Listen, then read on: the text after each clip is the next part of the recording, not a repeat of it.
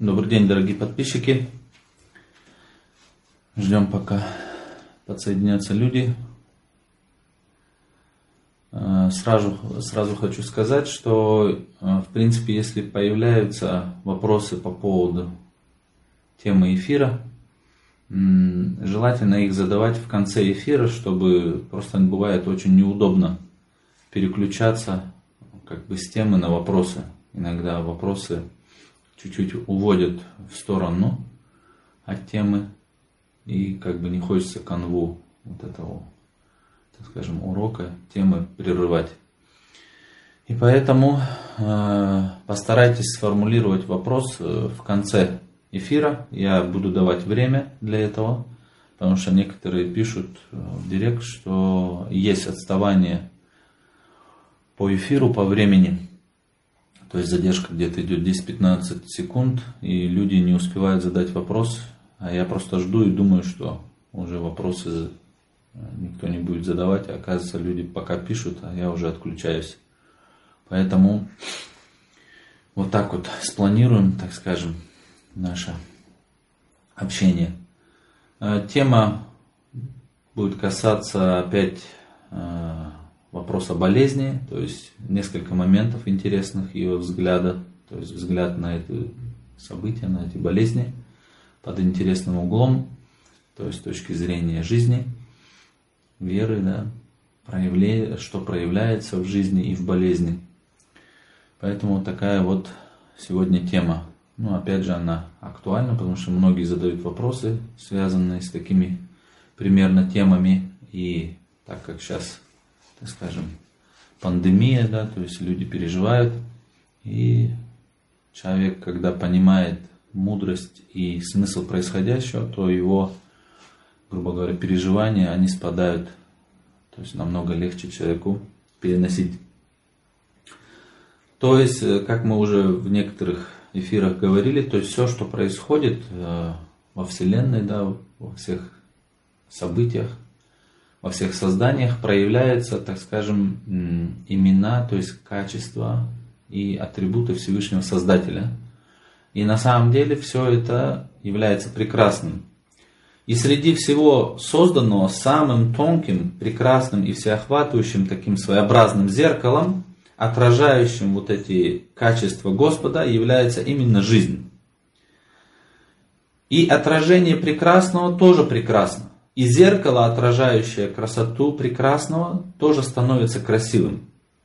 Подобно тому, как все, что отражается в зеркале от прекрасного, прекрасно, так и все, что происходит в этой жизни, по сути своей прекрасно, ибо проявляет вот эти прекрасные узоры прекрасных качеств имен Создателя.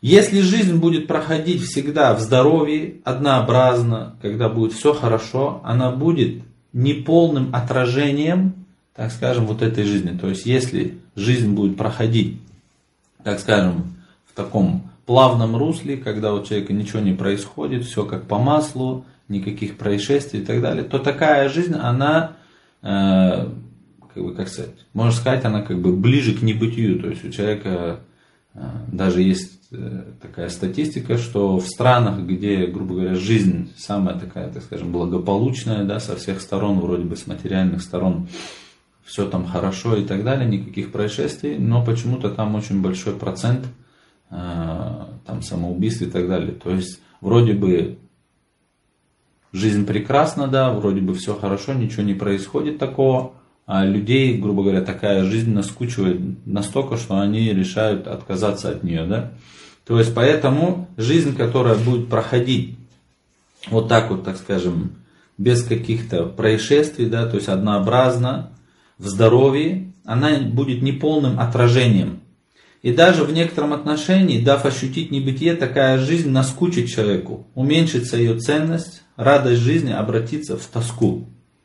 Чтобы побыстрее провести время, человек от скуки предастся или распутству, или развлечениям по сути, враждебно относясь к своей ценной жизни, словно к сроку тюремного заключения, он хочет побыстрее провести время. То есть, есть даже такое выражение, все, наверное, услышали, как бы убить время. То есть, вот представляете, люди, по сути, по сути своей занимаются самоубийством, то есть убийством своей жизни, потому что они пытаются убить свое время. А что такое время его? Это его жизнь. То есть люди неосознанно, представляете, выражают вот такие слова, а выражают они их как раз из-за того, что когда жизнь вот у людей идет, так скажем, бессмысленно, люди не понимают, да, то есть она вот такая однообразная становится, все как день сурка, да, то есть вот вокруг да около. Там с утра встал на работу, с утра потом пришел, там телевизор, не знаю, там кто-то пиво попил. И так, то есть все практически одно и то же, одно и то же, одно и то же такая вот. Все для людей она становится реально как, э, как, как небытие, как будто он не живет, да, то есть никаких событий не происходит. Однако жизнь, проходящая однообразно, а вернее разнообразно, то есть когда есть какие-то перемены, какое-то движение, оно дает почувствовать свою ценность, дает познать свою важность и вкус. Даже если жизнь полна забот и тягот, человек не жалеет. То есть не жалеет, что так она проходит, и не желает, чтобы она быстро прошла. Например, он не охает от тоски, говоря, все еще солнце не село, да, или когда же закончится день, или когда кончится ночь. То есть Возьмите просто вот элементарно, посмотрите на всех таких э, трудящихся людей, да, которые там вот у них там э, куча вот таких вот перемен в жизни, да, и так далее.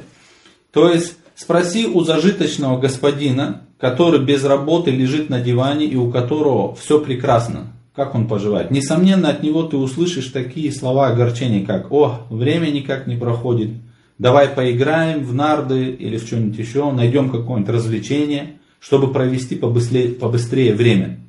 Или же услышишь жалобы, исходящие от нескончаемых желаний его вот этих страстей. Этого у меня не хватает, если бы я сделал то-то и так далее. И наоборот, спроси у человека, оказавшегося в беде, или у работающего и живущего в заботах бедняка, как он поживает. Если он разумен, он скажет, слава Господу, у меня все хорошо, работаю, не садилось бы солнце быстро, чтобы закончить и это дело. Время быстро пролетает, жизнь не стоит на месте, бежит. Хотя и есть у меня трудности, но и это пройдет. Все и так быстро проходит. Таким образом, своим сожалением о быстротечности жизни он как бы говорит, насколько она ценна для него. Стало быть, через трудности и благодаря труду человек понимает вкус и ценность жизни. Покой же и постоянное здоровье делают жизнь несносной, от чего человек желает ее быстротечности. То есть, действительно, если у человека вот, жизнь становится реально такая однообразная, да, то она реально становится как, как небытие. То есть она человека мучает, да, то есть это уже сколько даже экспериментов проведено, и если посмотреть статистику, вроде бы страны, в которых не такие уж хорошие условия жизни, да, но люди там цепляются за жизнь, то есть они именно как бы, как сказать, стараются, да, там, ценят жизнь. То есть там мало самоубийств. А смотришь страны, которые там вроде бы очень там высокий уровень жизни, все там хорошо, со всех сторон все гладко, люди там, все, очень многие отказываются от жизни. То есть удивительно. То есть внешне непонятно. Но если понять вот этот секрет, что такая однообразная, вот такая ленивая жизнь, когда ничего уже у человека не происходит, она реально человека начинает мучить. Человек начинает сам же враждебно относиться к своей жизни, которая протекает в таком ключе. Поэтому с этой точки зрения, да, болезнь, болезнь, она придает, как бы, как сказать, жизни человека вот такое движение, да, то есть дает ему почувствовать некоторые состояния. Поэтому о, болеющий друг, знай, что основой бед, зла и даже грехов да, является именно небытие, то есть вот такое, скажем, бездействие, да, что-то не делание. А небытие это зло, как бы как тьма. И от того, что однообразное, да, спокойное, вот такая тишина, покой, подобные им состояния, они близки к небытию, они приносят тоску, давая ощутить тьму небытия. То есть получается, что вот эти вот спокойные какие-то периоды жизни, да, то есть если у человека реально вся жизнь будет проходить, то она практически приближается, как будто человек и не жил, ничего не прошел, да. То есть, наверное, часто замечали, что э, у, у людей, у которых были такие, скажем, большие испытания в жизни, да, то есть он там и то у него было, и это было, и так далее, и так далее. Вот с таким человеком начинаешь общаться и реально понимаешь, насколько этот человек богатый, да, грубо говоря, как сказать, богатый, так скажем, на знания, на опыт, да, и смотришь, какой он сам человек становится, то есть это реально. И если посмотреть на какого-нибудь человека, который там прожил такую однообразную жизнь, который никаких, так скажем, испытаний не было, он ничего, то есть, как правило, этот человек практически пустой. То есть он ничего не понимает, он ничего не чувствует, он, то есть от него ничего не возьмешь, никакой ни мудрости, ни каких-то, так скажем, уроков жизни. Да? Поэтому, поскольку истина такова, твоя болезнь с такими многими назначениями, как очистить, да, укрепить и возвысить твою драгоценную жизнь и направить на помощь к той болезненной части твоего тела другие его инструменты и органы и проявить различные проявления, вот скажем, вот этих качеств Всевышнего Творца, послано твоему телу в качестве некого гостя. Если пожелает Господь, болезнь быстро выполнит свое назначение, оставит человека и позовет на свое место здоровья. Да? То есть именно человеку в моменты вот болезни Всевышний дает вот такое, как, как сказать, разнообразие вкусов, да, грубо говоря. То есть к примеру, когда человек начинает ценить здоровье? Он начинает его ценить тогда, когда он болеет. То есть мы очень многие вещи, живя, не оцениваем. Да? Не оцениваем ни время, ни здоровье, да? к примеру, ни того, что у нас есть, к примеру, какие-то там, так скажем, там, чувства, да, какие-то способности и так далее. Но как только, к примеру, вот представьте, да, к примеру, вот не, не болит у человека голова, там, не знаю, 10 лет не болел. И человек, как правило, то есть к этому относится как к должному, то есть он не оценивает это. Он все это воспринимает как за должное, он живет, там, занимается своими какими-то делами. Но стоит один раз вот его голове заболеть, он автоматически сразу оценивает весь тот период, который он не оценивал, что у него вот эти 10 лет голова не болела. Да. И точно так же хоть что, да, или, к примеру, не знаю, там, глаз заболел, или там рука заболела, или хоть что. Во-вторых, это ему дает понять, что вообще, к примеру, там глаз заболел, у кого-то вообще глаза нету. То есть, опять же, это все дает человеку оценить. А в принципе, это и есть функция человека. То есть Всевышний Создатель для этого и создал человека, для того, чтобы он оценивал те дары, которые даны ему. И получается, что болезнь, она помогает человеку оценить и жизнь, и здоровье, и какие-то, так скажем, органы. Получается, что вот эта болезнь, она как некий гость. Да? То есть она пришла выполнить определенное назначение. То есть Всевышний послал болезнь для того, чтобы она в тебе, то есть в любом человеке, выполнила определенную миссию.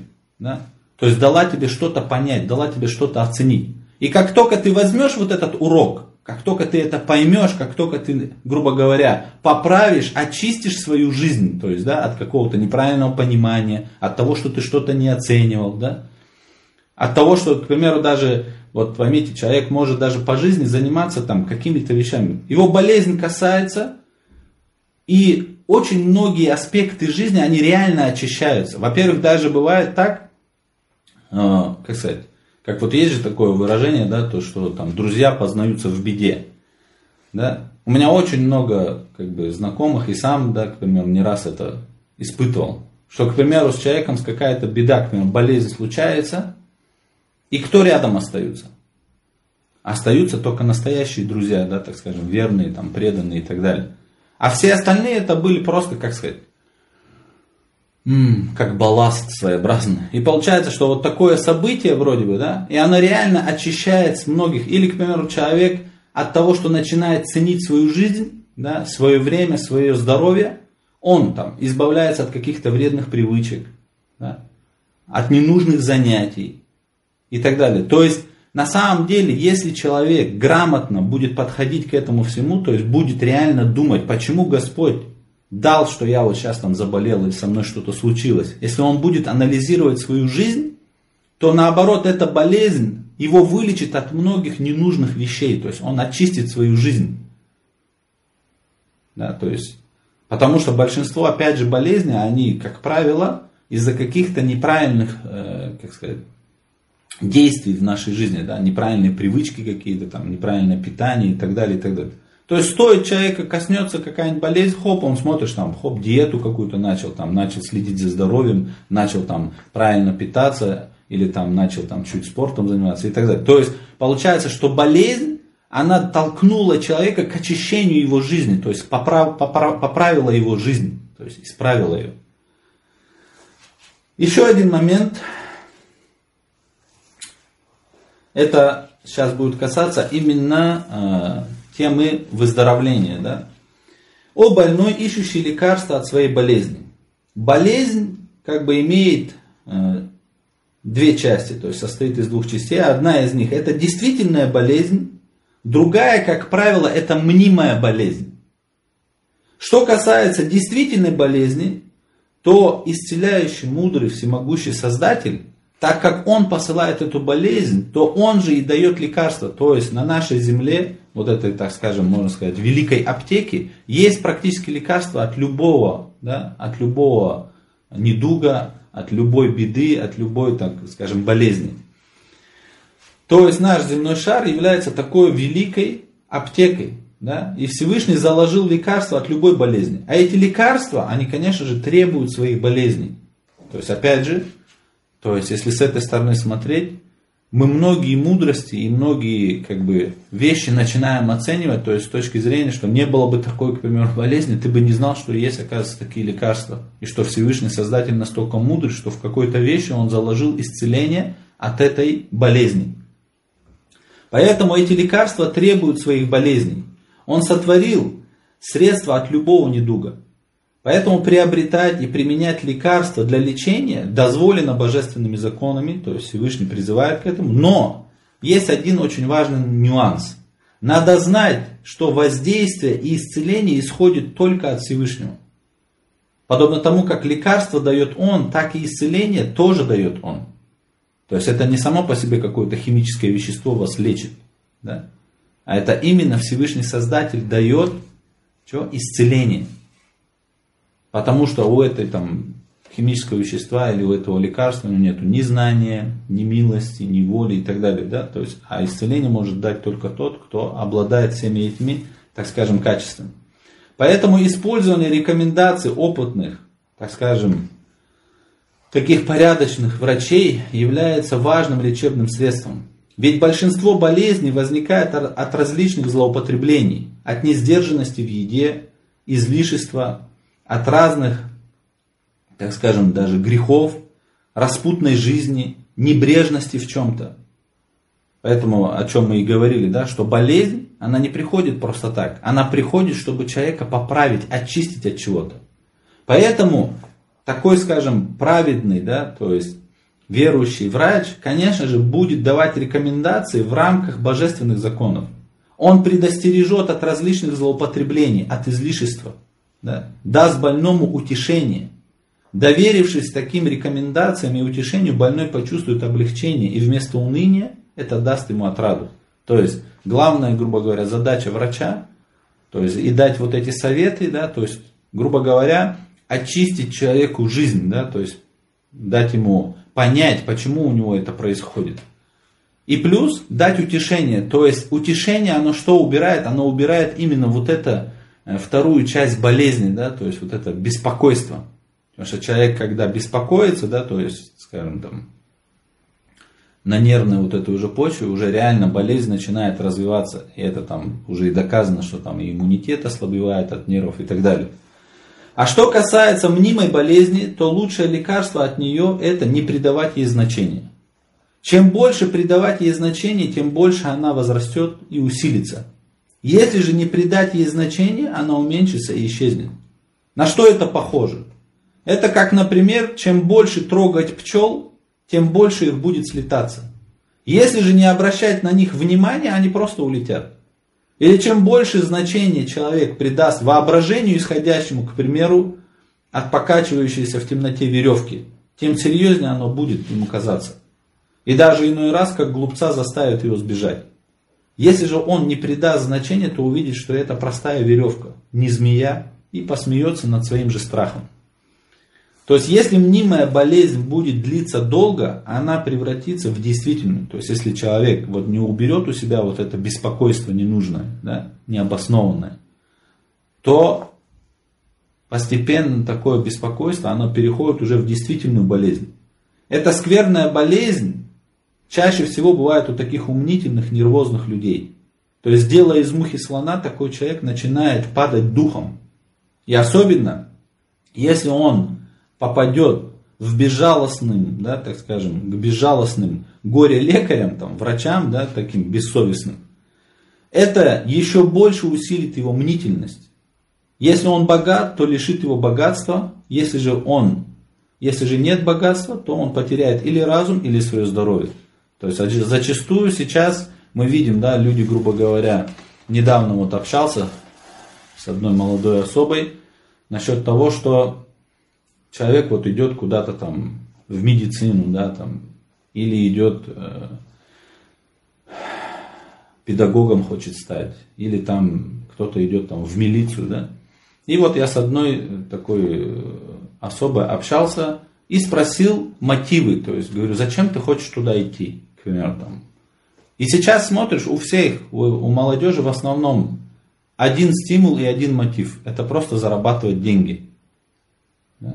Ну и вот представляете, вы идете к человеку, у которого цель заработать деньги. У него нет цели помочь людям. У него нет цели там, как бы таких, скажем, благородных, каких-то возвышенных. И, соответственно, как человек будет учиться, как человек будет относиться к этому всему. Да?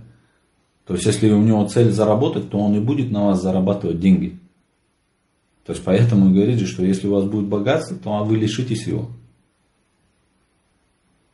Поэтому именно, то есть очень важно, есть такой рецепт, грубо говоря, да, если вы пришли к врачу и вам после первого же посещения не стало легче, то больше не посещайте этого врача, то есть смысла нету. Еще один момент. Обольный друг. В твоей болезни есть материальная боль, но тебя окружает значительное духовное удовольствие, которое может устранить воздействие этой материальной боли. Ведь если у тебя есть отец, мать и другие близкие, ты опять ощутишь вновь пробудившееся у них к тебе, да, то есть вот это как бы заботу и милость со стороны вот этих близких к тебе людей. То есть каждый человек помнит вот эти приятные моменты в детстве, да, когда ты там болеешь, и за тобой там мама ухаживает, да, там, или близкие люди, там, не знаю, у кого кто там, бабушка и так далее. То есть, и вот в момент вот этой болезни, то есть твоя вот эта вот слабость, она вызывает вот в этих твоих близких людях вот это милосердие и любовь к тебе, да. И ты опять попадаешь вот в это состояние, как будто ты в детстве, да, то есть, ну, кто ощущал, он поймет, вот если обратите внимание на вот этот момент, он очень интересный, он очень насладительный. И к тому же имеющиеся у тебя друзья, связь с которыми, может быть, позабылась или ослабла, вновь притянутые твоей болезнью с дружелюбием смотрят на тебя. Конечно, рядом с ними твоя материальная боль окажется совсем незначительной. То есть, опять же, о чем мы уже говорили, то есть в момент болезни проявятся многие истинные моменты. То есть ты узнаешь, а кто действительно друзья. Да? Кто отреагирует, так скажем, правильно на твое вот такое состояние. Да? То есть те люди, которые грубо говоря, думают о тебе, да, которые искренне держат с тобой отношения, они, естественно, что, проявят внимание. И люди, которым ты бескорыстно служил, и благоволение которых ты старался удостоиться, да, имеется в виду своих родителей, благодаря твоей болезни милосердно теперь заботятся о тебе. Посему ты, по сути, как бы стал господином своих господ. Да, то есть, по сути, мы должны да, там, за родителями ухаживать и так далее. Но в момент болезни, когда ты вот ощущаешь свою вот эту слабость и так далее, и Всевышний, пробуждая в родителях вот это вот то милосердие, да, когда они проявляли в детстве к тебе. То есть, опять же, ты как вот этот маленький ребенок лежишь и за тобой ухаживают. И это настолько, на самом деле, насладительно. Из-за того, что ты привлек к себе человеческое чувство милосердия и сочувствия, ты обрел много заботливых и милосердных друзей. И опять же, благодаря своей болезни ты получил перерыв от своих трудных дел. И сейчас просто отдыхаешь. Конечно же, твои незначительные боль да, за эти духовные удовольствия должны побудить тебя не к жалобе, а к благодарности Творцу. То есть, как есть выражение, нет худа без добра. Да? То есть, если вот так, под таким углом реально посмотреть, то можно в любом событии, даже в таком каком-то неприятном, найти и приятные моменты, и какие-то пользы для себя извлечь по-любому. Если есть какие-то вопросы, задавайте, я жду, пока вы запишите, сформулируете, потому что многие, оказывается, не успевают записать вопросы. Если же не будет вопросов, то мы на сегодня остановим эфир. И э, запись эфиров мы оставляем в ВГТВ. Смотрите там, кто не успел посмотреть. Обязательно ставьте лайки, пересылайте, комментируйте, задавайте вопросы, пишите в директ. По, по поводу тем, которые вы хотели бы, чтобы мы осветили, так скажем, тоже будем рады вас слышать. Если же нет вопросов на данный момент, то я завершу эфир.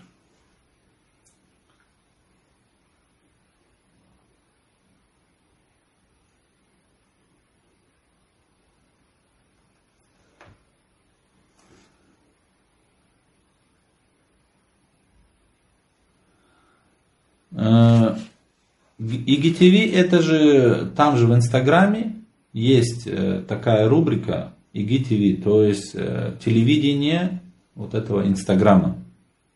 То есть после сетки идет вот это, то есть если вы посмотрите, вот где размещены, э, грубо говоря, публикации, если вы сверху посмотрите, есть такое, как бы, как, как типа телевизорик маленький такой с антенками. Вот на него нажимаете, и там э, увидите вот эти прямые эфиры. Заходите туда, просматривайте, то есть все предыдущие эфиры там есть. Ладно, всем всего доброго. Желаю всем здоровья и счастья.